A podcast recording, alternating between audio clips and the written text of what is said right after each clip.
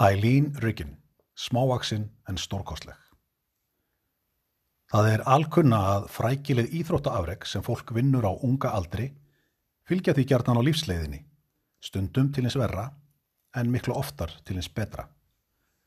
Gott dæmi um því síðarnemda er ferill bandarísku dývinga og sundkonunar Eileen Riggin. Hún var vart komin á barnsaldri er hún vann sitt mesta og glæsilegasta íþróttaafreg og upp frá því voru íþróttirnar sannkallagur örlaga valdur í lífi hennar allt fram til hárra relli. Eileen Riggin lifði sannkölluðu ævintýra lífi sem var bæði óveinulegt og spennandi.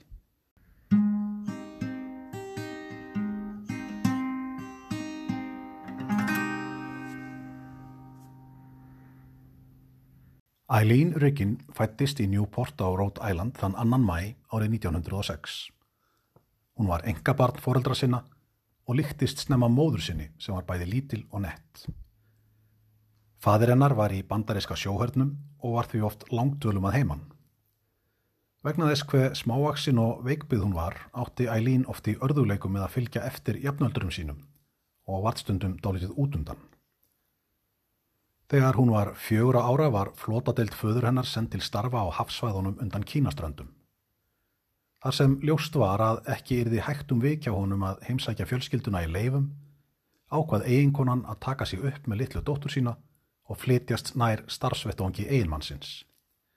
Þær maðgur settu stað á Filipsegjum, þar sem teki voru á leigu gott hús skamt frá höfuðborginni Manila. Þar undu þær vel hagsínum og þótt heimilisfadurinn væri langtölum í burtu, átti hann einnig laung og góð frí. Þá nöyt fjölskyldan sammistana og var gerðan ferðast um þennan framandi heimsluta. Til dæmis var farin mikil reysa, vitt og breytt um kínaveldi. Þegar Ælín Littla var sex ára gömul lærði hún að synda. Sundkjenslan fór fram í sjónum við ströndina á Manilaflóa. Littla stúlkan var fljótan á tökum á sundíþróttinni og undir sér brátt vel við að busla í eilvolgum sjónum. En Svo fór að bera á óveinilegu sleni og slappleika hjá Ælín litlu og lækniskoðun lit í ljós að hún þjáðist á blóðleysi. Læknirinn taldi líklegt að þetta mætti reykja til hins framandi loftslags og umhverfis og ráðlaði móður hennar eindreið að snúa hitt bráðasta til heimahagana. Þessar er ráðleikingu ákvað móðurinn strax að hlýta og við tók langt og mikið ferðalag þeirra maðgna um Asjúland gegnum Súeskurðin og þvert í gegnum Evrópu. Það er áttu því að baki heilmikla heimsreisu þegar það loks komu til New York þar sem það settu stað. Þarna bríndi læknir fyrir þeim maðgum að til þess að komast til heilsu á ný skildi Ælín hefja reglubundna yfkun íþrótta. Þar sem hún hafði þá þegar dálæti á sundinu lág beint við að snúa sér að þeirri íþróttagrein.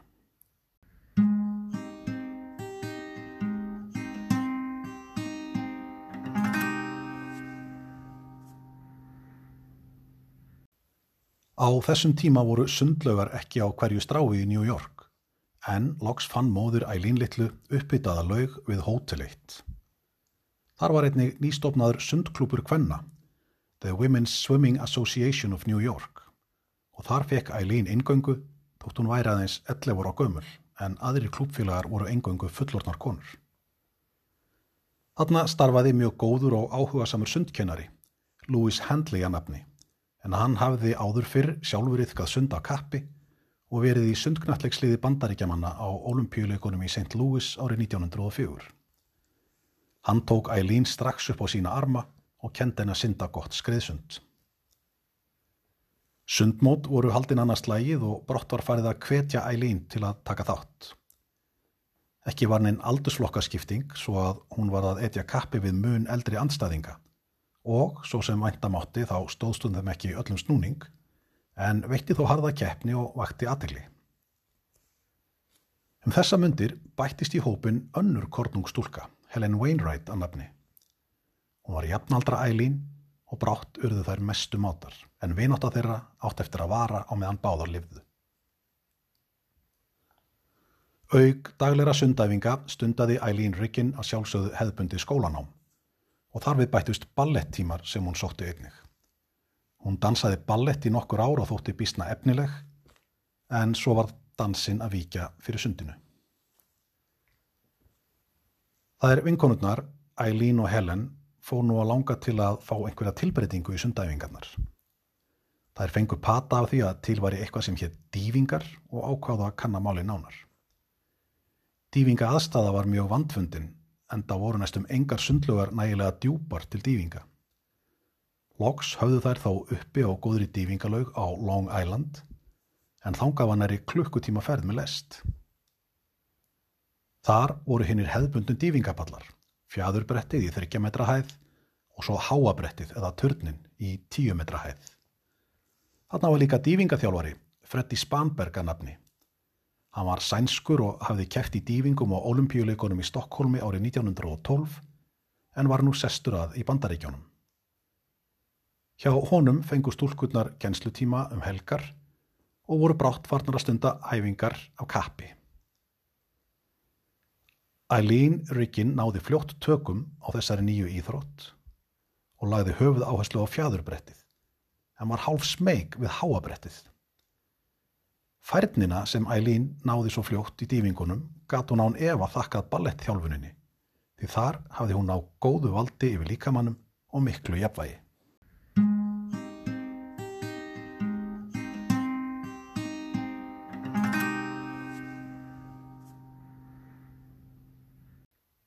Ólumpíuleikar höfðu seinast verið haldnir í Stokkólmi árið 1912 en leikar sem fyrirhuga var að halda í Berlín árið 1916 fjallu niður vegna heimstrialdarinnar fyrri. Strax eftir stríðslokk 1918 var farið að huga að næstu ólumpíuleikum og var ákveðið að halda þá í belgísku borginni Antwerpen árið 1920 en þótt fyrirvarin væri skammur. Strax skapaðist mikil eftirvænting viða um lönd og ekki síður í bandaríkjónum en annar staðar. Það er vinkonurnar, Eileen Riggin og Helen Wainwright, fóru ekki varhluta af þessu mikla ólumpíu áhuga og brátt kviknaði hjá þeim laungun til að mega vera þáttakendur í þessari miklu íþróttaháttíð. Þeim var hins vegar fulljóst að þær myndu eiga erfitt uppdráttar í sundinu þar sem þær voru aðeins 14 ára gamlar og því ekki með sömu líkamspurði og eldri stúlkur. Slíkt myndi þó skipta minna máli í dýfingunum og því ákváðu þær að leggja alla áherslu á þá íþrótt. Þær settust niður og skrifuðu alþjóða olimpíunemdini í París og úrskuðu eftir að fá senda reglurnar sem keftiði eftir í dýfingum á komandi olimpíuleikum. Svar barstum síðir að vísu á frönsku en eftir að hafa fengið að þýtt tóku þær til óspiltara málana við undirbúningin.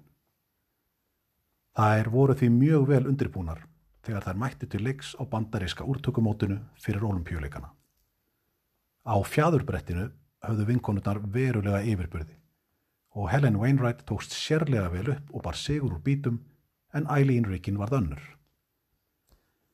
Eileen tók einnig þátt í keppninni af háapallinum og þótt hún væri hálf hikandi náði hún þriðja sætinu. Vinkonurnar snýru heim, sigri rósandi og töldu sig hafa tryggt sér þáttökurétt á ólimpíuleikunum en ekki er sopið kálið þótt í ausuna sé komið því nú urðu hávara rattir þess efnis að það væri ekki forsvaranlegt að senda tvær 14 ára stúlkur á ólimpíuleika. Þær hefðu korki andlegan nýja líkamlegan þroska til að taka þátt í þessu mikla móti. Eftir talsvert þref varð loks svo skoðun ofan á að líta bæri á framistöðuna á úrtökumótinu fremur en útlitt og aldur og þar með fegst grænt ljós á þáttöku stúlknanna. Þetta var rétt fyrir brott fyrir olimpíuliðsins og vinkonurnar voru ekki lengi að smetla aftur ferðakoffortunum og hraða sér til skips.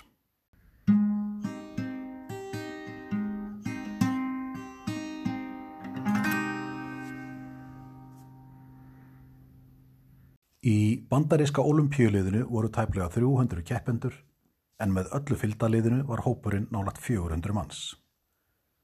Ferðast var sjóleiðis og þótt skipið bæri hitt tignarlega nafn Princess Matoika var það síður en svo ekkert glæsiflei. Þvert á móti því þetta var gammal dallur sem hafi verið notaður til hergagnaflutninga í stríðinu en var nú á leið til Evrópu til að sækja hergagn og flytja tilbaka.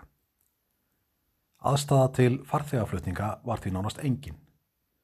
Að vísu var aðbúnaður kvennfólksins vel viðunandi því þær fengu til umráða nokkra fjöguramanna áhafnaklefa. En karlmönunum var hins vegar búin vist í lestinni og undumarkir illa hagsinum þar. Ekki bætti svo úr skáka skipið var afar hægfara og var heila 13 daga á leiðin yfir hafið. Rent var eftir föngum að koma upp nokkuri æfingaðstöðu fyrir íþróttafólkið en svigrum til þess var þó afar takmarkað. Fyrir sundfólkið var gríðarstort segl fyllt af sjó og þannig myndaður um 30 metra langur pollur. Þar fengum henn að svamla til skiptis með belti um sig miðja en frá því lágu festingar til hliðana. Þannig var hægt að æfa sundtökin og komast í snertingu við vatn. Dývingafólkið fekk einnig afnóta af þessari aðstöðu en auk þess var hægt að liðka sig með leikvimi æfingum. Annars vakti Eileen Riggin sérstaka aðtikli fyrir það hversu lítil og nett hún var en hún var aðeins 140 cm há og 30 kg. Hún varð fljótt eftirlæti allra um borð og hlaut gælunafnið Tiny eða Ögn. Fræg var ljósmynd sem tekin var af henni og hinnum risavaksna kúluvarpara Harry Liversedge og byrtist víða undir yfirskriftinni Sá stæsti og svo minsta. Á kvöldin var reynd að gera ímislegt sétti skemmtunar og hæfileika fólkið í hópnum flutti heima tilbúin skemmtiatriði. Í hópnum voru nokkru sundmenn frá Hawaii með þinn heimsfræga kappa Duke Kahanamoku í farabróti. Piltarnir höfðu með sér hljóðfæri og skemmtu samferðafólkinu með söng og hljóðfæraslætti við ákaflega góðar undirtektir. Við lok þessara laungu sjóferðar létti öllum ákaflega að fálóks aftur fast land undir fætur. Hins vegar brá flestum nokkuð í brún við komuna til Belgíu því að þótt tvö ár væru liðin frá stríðslokum blöstu víða við menjar ófriðarins og verulegur skortur var á ýmsum nöðsynjavörum. Ólimpíu þorp voru ekki komið til sögunar á þessum tíma og því þurftu keppendur að leita gistingar við varum borgina. Bandarísku stúlkunnar fengu inni á kristilegu æskulíðsheimili. Þar voru nokkri svepsalir, auk matsalar og fór bísna vel um þær.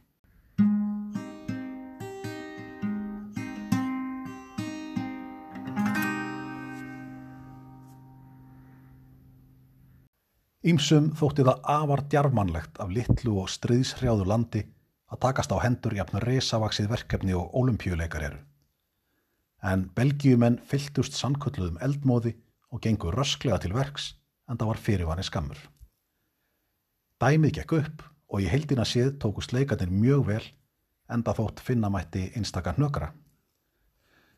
Aðaleikvangurinn var reistur með miklum hraða og þjónaði mjög vel tilgangi sínum en innanhúsýþróttir fóru fram í stórum ráðstefnusal í dýrakarði borgarinnar.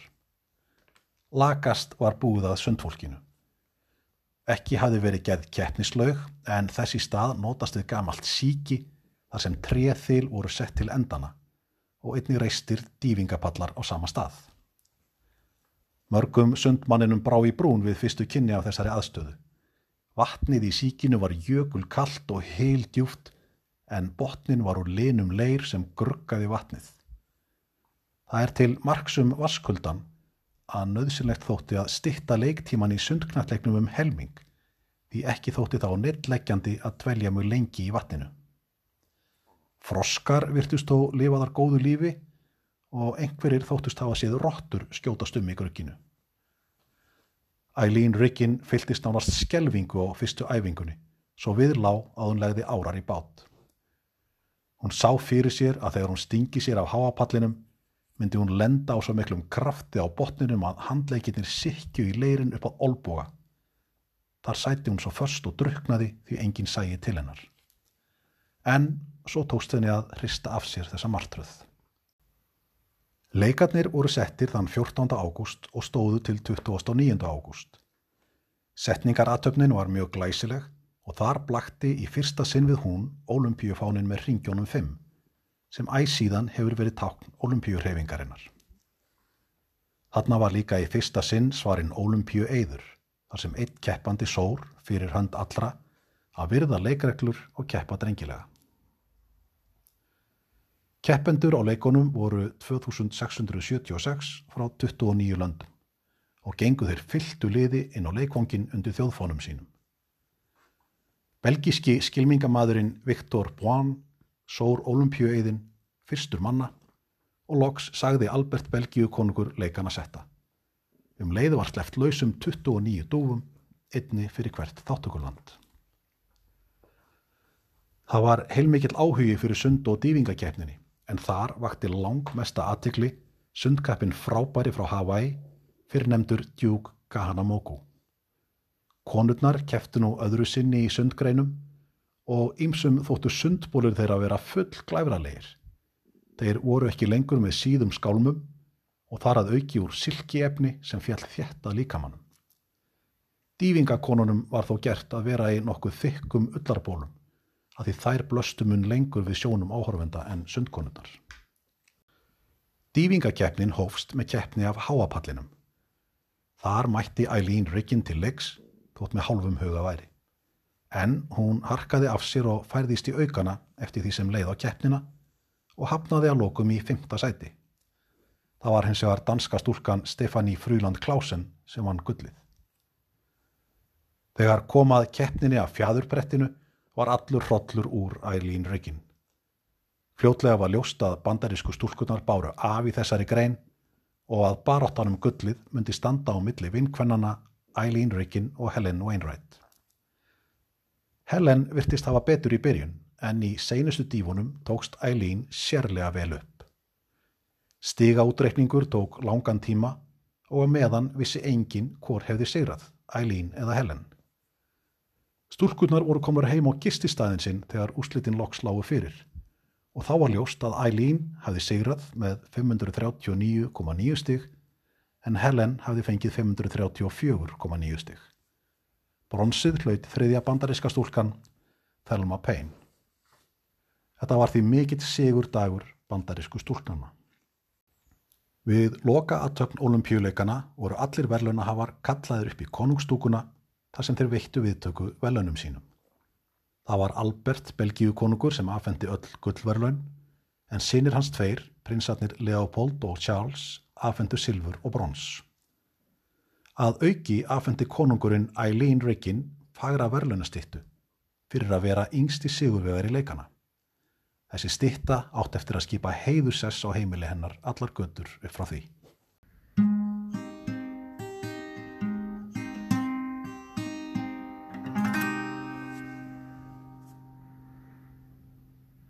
Á meðan beðið var skipsferðar heim að olimpíuleikunum loknum brá Ælín sér til Parísar á samt hópi sund og dývingafólks úr bandariska liðinu. Þar var eftir keppni og síningar í sundi og dývingum í Signumfljóti við mikinn fagnuð hinn að fjölmörgu áhörfunda. Loks kom að heimferðinni, sem gekk tíðindalust fyrir sig, allt þar til silt var inn á ytri höfnina í New York. Þá kom siglandi fylking slökkvilisbáta hafnarinnar sem þeittu brunalúra sína og sendu upp heiminháar vaspunur íþróttafólkinu til heiðurs. Á hafnabakkanum beigð mikill mannfjöldi og lúðrasveit sem leik sigur marsa. Síðan var haldið til ráðhúsins í mikilli skrúðgöngu þar sem olimpíumistararnir fóru fremstir og í fylkingar brjósti var litla stúlkan Eileen Riggin. Það var raunar ekki fyrir en við heimkomuna sem hún gerði sér grein fyrir því hversu mikinn og merkilegan sigur hún hafði unnið. Heima tóku foreldrarnir stoltir á móti henni fræknu dóttu sinni. Móður hennar hafði samt nokkrar áhyggjur á skólanámi stúlkunar að hafiði jú komið heilmikið rót á tilveru hennar og hún var búin að missa talsvöst úr náminu. Móðurinn greip því til þess ráðs að senda Eileen í heimavistaskóla í Greenwich, Connecticut. Eileen tók þessum með þólinnmæði og reynda einbytta sér að náminu. En hins vegar var hér sá hængur á að engin sundlaug var til í námunda við skólan, svo að Eileen var að leggja af allar æfingar um sinn. Hún var því illa undibúin þegar hún mætti til leiks á bandaríska mestaramótinu sumari 1921 og hafnaði í þriðja sæti í dýfingum af fjæðubrettinu. Næsta ár, 1922, sló Eileen enn nokkuð slöku við æfingar og keppni, en þessi stað tók hún þátti gerð kennslukveikmyndar í sundi og dýfingum. Þessi mynd var tekin með alveg nýrri gerð kvikmyndatökuvéla sem hægt var að nota undir vassifirborðinu, auk þess sem hægt var að sína myndirnar á hálfum hraða. Hlutverk Ælín var að sína hinnar ímsu sundaðferðir og dýfingar. Myndin þótti takast mjög vel og marka tímamót. Hún var sínd viðsvegar um bandaríkin og þótti vera frábær kjenslumynd. En nú fannst Ælín Röggin vera komin tími til að taka keppnisýþróttirnar föstum tökum á ný. Hún æfiði á kostkeppni og á innanhúsmeistaramótinu árið 1923 vann hún sinn fyrsta bandaríska meistaratitil í einstaklingsgrein er hún sigraði í dývingum af einsmætis hái bretti en sjaldan er keft í þeirri grein og þá engungu innanhús. Á meistaramótinu utanhús var Ælín enn á sigurbraut og vann mistaratitilinn af 30 metra fjæðurbrettinu. En þótt henni gengi nú allt í hæginni í Íþróttunum var ekki sömu sögu að segja á náminu.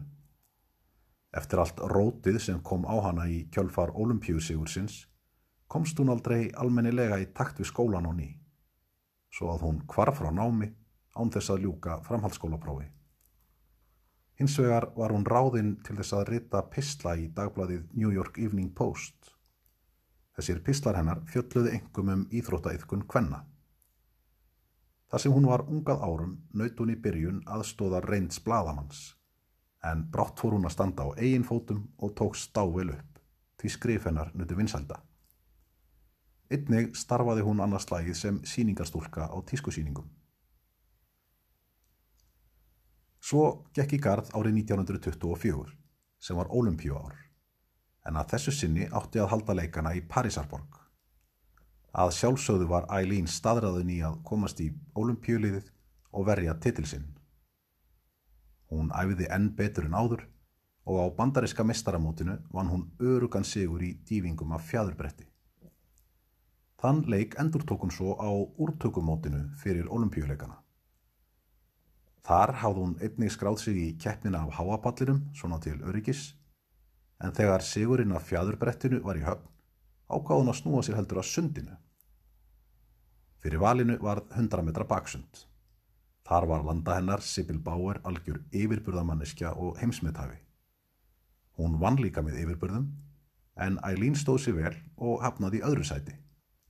Þar með var hún búin að vinna sér rétt til olimpíu þáttöku í bæði dývingum og sundi. Vinkona hennar, Helen Wainwright, var einnig á meðal þáttakenda á úrtökumótinu. Hún hafði nú snúið baki við dývingunum en þessi stað vann hún sér þáttökurétt í 400 metra skriðsundi. Það er stöllur sildu því saman yfir hafið til að keppa ólimpíuleikum í annað sinn rétt 18 ára gamlar. Að þessu sinni var ferðast með góðu farþegarskipi og gekk ferðin bæði fljótt og vel.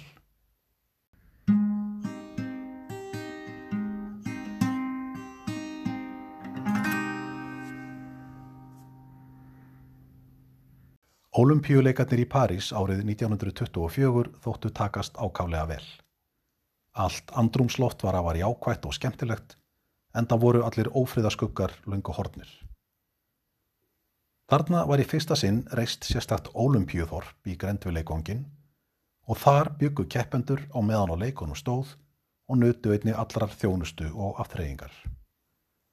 Þó var sá hængur á að ekki þótti við hæfi að konur byggju í þorpinu þannig að þeim þurft að finna aðra bústaði. Bandarískur auðmaður sem átti sveitasettur í grend við Versali bauð bandarísku stúlkorum að skjóta yfir þar skjólshúsi og fekk þeim til afnóta eitt af starfsmannahúsunum sínum. Þar fór ákálega vel um stúlkurnar og þær höfðu allt til alls. Leikarnir voru settir þann 5. júli og stóðu til 27. júli. Það var með þáttaka en 44 þjóðir sendu 3075 íþróttamenn til leiks. Setningaratöfnin var hátilega vanda. Það kom í hlut franska frjálsýþróttamannsins Gio André að sverja olimpíu eðin en síðan sagði Fraklandsfósetti leikana setta. Árangur á þessum leikum var yfirleitt mjög góður en það voru allar aðstæður til fyrirmyndar og íþróttamannvirkin flest ný og glæsileg. Aðstæða til sundkeppni var betri en áður hafið þeksta olimpíuleikum en gerð hafið verið ný og glæsileg útisundlög með fullkominni dývinga aðstöðu og áhorfendapöllum fyrir 12.000 manns. Aðsóknað sundgreinunum var líka mjög góð og keppnin spennandi. Þarna kom fram á sjónasviðið hinn óviðjafnanlegi bandaríski sundkappi Johnny Weissmuller. Hann vann til þrenra gullvaluna, auk þess sem hann vann hug og hjörtu flestra sem áhorðu. Eileen Riggin hóf þessa olimpíu þáttöku sína með keppni í 100 metra baksundi. Keppt var í tveimur riðlum undanrása. Þann fyrri vann Seibil Bauer á nýju heimsmeti en þann síðari vann Eileen Riggin. Í úslitasundinu var ljóst frá upphafi að Sibyl Bauer myndi sigra. Hún syndi mjög glæsilega og setti enneitt heimsmetið. Eileen syndi einnig mjög vel og virtist vera örug með annarsætið. Hún varaði sig þó ekki á ennsku stúrkunni Phyllis Harding sem skaust fram úr á seinustu metrónum og triði sér silfrið. Eileen fekk því bronsið. Hún náði þannig ekki alveg því sem hún hafði ætlað sér en var samt nokkuð sátt. Dývingakeppnin var líka eftir og þar ætlaði hún sér ekkert annað en gullið.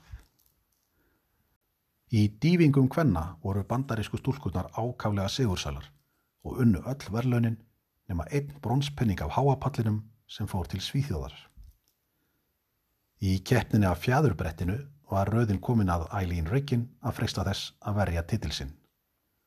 Hún var mjög sjálfsörug og virtist til alls líkleg, en Landa hennar, Elisabeth Becker, var líka í feikigóðu formi. Hún gerði betur en hún hafði nokkru sinni fyrirgjert og svo fór að þegar útreikningar dómara lágu fyrir var ljóst að Elisabeth Becker hafði unnið gulli nokkuð öruglega. Eileen hlaut síðan Silvrið og þriðja bandariska stúlkan, Caroline Fletcher, fekk bronsið. Þessi úrsliturðu Eileen nokkur vonbreyði en hún bar sig þó vel og let ekki á neinu bera. Uppskera hennar á þessum leikum varð þannig eldur rýrari en hún hafi vonast til. En í stað gulls og silfurs eins og hún stemdi að, varð hún að láta sér næja silfur og brons. Af vinkonu hennar, Helen Wainwright, er það að segja að hún stóð sér einnig mjög vel og vann silfurvelunin í 400 metra skreiðsundi. Það er stöllur urðu því fyrstar til þess að vinna ólumpíuverlun í bæði sundi og dývingum, en Eileen hafði það þó fram yfir að hafa afreika það á einum og sömu leikunum. Við heimkomuna var að vanda tekið ákálega vel á móti bandareiska olimpíuliðinu en í þetta sinn varð Eileen Riggin að sætta sig við að vera ekki í fylkingabrjósti í skrúgöngunni þar sem henni hafði ekki auðnast að vinna til gullvelana.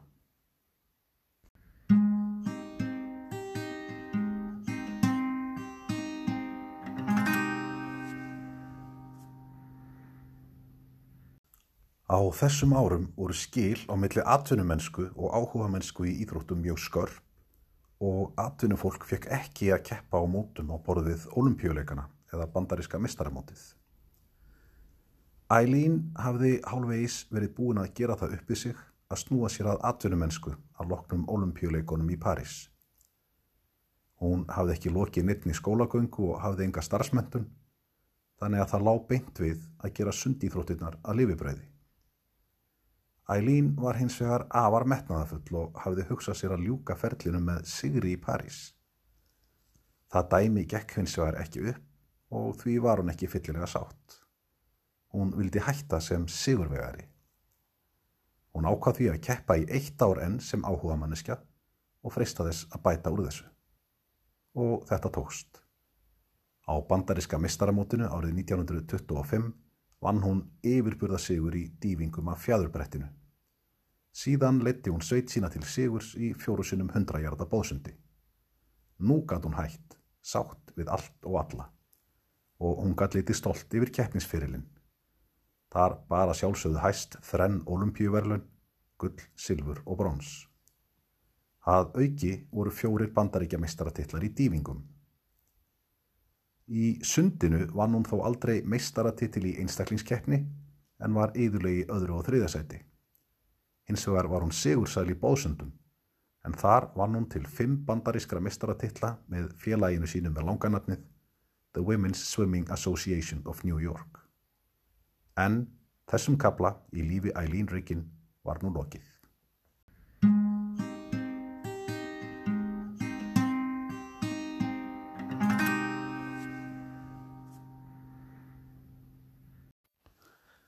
Eileen Riggin undirritaði fyrsta atvinnusamningsinn í janúar árið 1926 en þá reði hún sig til starfa hjá nýristu glæsihóteli á Miami Beach í Florida. Starfennar var fólkið í því að halda sig lungan úr deginum við sundlaug hótelsins, sína sig og sjá aðra, taka nokkra sundspretti og stökk af dývingapallinum, auk þess að kenna sund þeim hótelgestum sem þess óskudu. Sjálf bjóðun á hótelinu við gott allæti og hafði ágætt laun. Hún undi því hag sínum vel í fyrstu en svo kom að því að henni tók að leiðast tilbreytingaleysið. Hún var því fljótast lág til þegar hún var beðin um að koma fram í síningu hjá einu stærsta fjöllistahúsinu í New York, Hippodrome. Þessi síning hafði það þema að fjalla um flestar þar íþróttir sem stundar voru í bandaríkjónum og auðvitað var það sundið sem kom í hlut Eileen Riggin. Komið var fyrir gríðarstórum vassfylltum glertanki á einu sviðinu og í því leg Eileen listi sínar. Þessi síning mæltist vel fyrir og gekk vikum saman. Eftir að þessu verkefni lauk setti Eileen sig í samband við tvær stöllur sínar úr sundinu.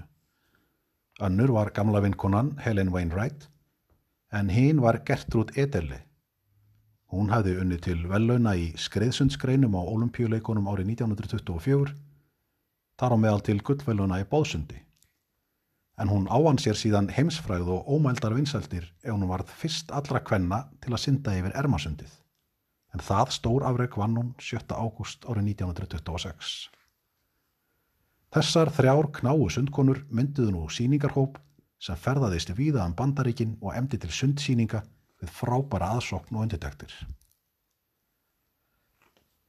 Þegar þessari laungu og ströngu síningaförlaug reði Eileen sig til starfa hjá risastóru farþegarskipi sem sildi víða um heimsins höf. Starfinar þar var sem fyrr tengt sundlauginni. Hanna án borð kynntist hún ungum og myndalegum skipslækni, Havard Sól að nafni, og brátt fór kunningskapur þeirra að þróast yfir í eitthvað annað og meira. Sundkonan og læknirinn urðu óaskiljanleg og þegar Eileen yfirgaf skipið í Evrópu, héttuðu hvort öðru ævarandi tryggð og settu upp trúlofunarhinga. Howard hjælt síðan áfram með skipinu til New York en þar beigð hans skurlæknisstaða á stóru sjúkrahúsi. Eileen lagði hins vegar upp í mikla síningar förum Evrópu, bæði um meginlandið og svo England og Skandinavíu. Í París hitti hún kappan mikla Johnny Weissmuller sem einni hafi gerst atvinnumadur og saman settu þau upp eftirminnilega sundsýningu í fransku höfuborginni.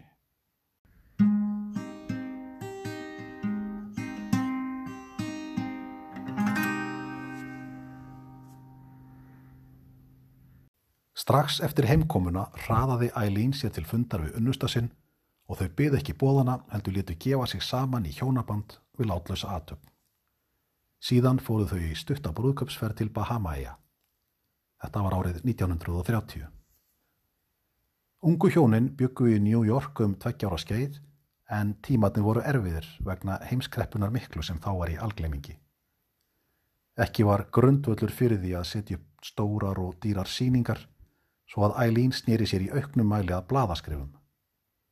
Auk dagblada sóttust Ímis virt tímaritt eftir pislumennar, svo sem Colliers og Good Housekeeping. Árið 1932 ákváðu sólhjónin að frista gæfunar í Kaliforníu og settu stað í Los Angeles. Þar opnaði Howard læknastofu og gekk rekstur hennar vel. En Eileen var nú komin að dyrónum í Hollywood og þess var þá ekki langt að býða að þeim yrði lokið upp. Að vísu hafði hún engan sérstakann metnað til þess að gerast kvikmyndastjarnar, en var fús til þess að takaði sér hlutverk sem reyndu fremur á aðra hæfileika en þá leikrænu. Hún leki í nokkrum myndum þar sem sundið var í forgrunni og þar kunni hún vel til verka.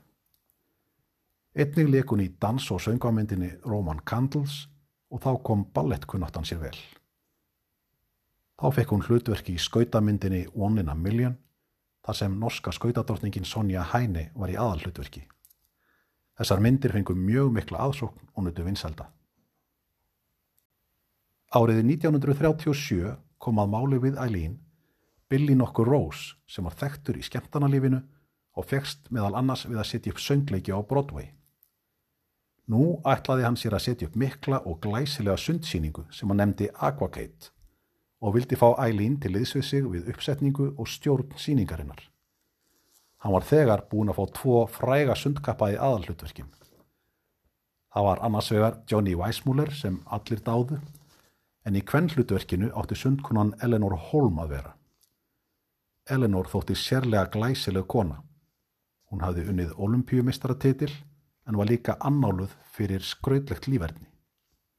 Þessi tvö voru örug trygging fyrir mikilli aðsókn, en þegar nærdró frumsýningu fór Billy þess á leit við Eileen að hún yrði ekki aðeins við stjórnvölinn, heldur tæki líka beinan þátt með nokkurum góðum dývingastökkum.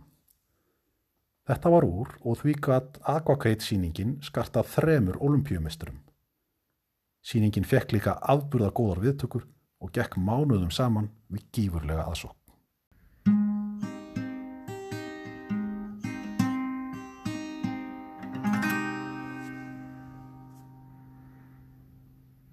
Um það byl sem síningum á Aquacate lauk kom í ljós að Eileen Riggin var orðin ofrísk. Þetta var langþráður og gleðilegur viðbörður í lífi þeirra hjóna og í tímans rás fættist dótturinn Yvonne. Eileen dróð sig nú nánast alveg í hlið frá síningastörfum og setti litlu dótturina og heimilið í algjöran forgang. Hún hjælt á áfram pislaskrifum sínum og einnig fór hún annars slægið í fyrirlestraferðir í framhaldsskóla þar sem hún kynnti sundíþróttina og kvatti til sundiðkana. Eileen og Howard vildu gerðan eignast fleiri börn en þegar sínt þótti að það myndi ekki takast tóku þau þá ákvörðun að ætliða þrjú börn á skömmum tíma dótturina Patti og sínina Bruce og Wallace. Líf þessara stóru fjölskyldu var gott og hamingjuríkt og allt leiki lindi. Hjónin Eileen Riggin og Howard Soul voru nú komin á miðjan aldur og líf þeirra virtist vera komið í fastarskorður. Árið 1957 tókuðu hins vegar þá stóra ákverðun að söðla algjörlega um og flytjast búferlum allarleið til Hawaii. Þar komið þau sér mjög vel fyrir og vonbráðar voru þau búin að festa það rætur. Lífið á Hawaii var þeim gott og ljúft og Eileen gæt nú enn betur en áður stundað eftirlætis yðju sína, sundið. Þarna var mikið úrval sundlöga, auk þess sem frábærar baðstrendur blöstu kvarvetna við. Þarna syndi Eileen daglega og nöyð svo sannarlega lífsins. Hún hjælt því líka áallt fram að það besta sem konur gætu gert fyrir heilsu sína værið að synda. Svo vel undi hún hag sínum á Hawaii að eftir andlát einmann síns ágað hún að sitja sem fastast og eigða þar æfikvöldinu. Þegar Eileen stóð á áttræðu ágað hún að taka þátt í miklu sundmóti öldunga sem emt var til í háskólalöginni á Hawaii. Hún gerði sér lítið fyrir og sigraði glæsilega og setti um leið landsmet í flokki 75 til 80 ára. Þessi árangur var til þess að hún skráði sig til þáttöku á heimsmystaramóti öldunga tveimur árum síðar. Þar var hún einni sigursæl í flokki 80-84 ára og seti heimsmynd. Eftir þetta leitaðist Eileen við að taka þátt í þessum heimsmystaramótum til hún mögulega gatt og var jafnan sigursæl. Hanna var líka áallt glatt á hjalla og hún hitti aftur marga gamla kunningja frá keppnisárunum. Til marksum það hveð áhugi fyrir þessum mótum er mikill er það að þáttakendafjöldin hefur farið vel á fjórða þúsund og þjóðurnar sem taka þátt skipta tögum. Seinast tók Eileen Riggin þátt í heimsmestaramóti Öldunga árið 1996 þá nýræð aðaldri og hún kvatti þennan vettvang með stæl því hún sigraði í sex greinum í aldursfloknum 90-94 ára og setti heimsmet í þeim öllum.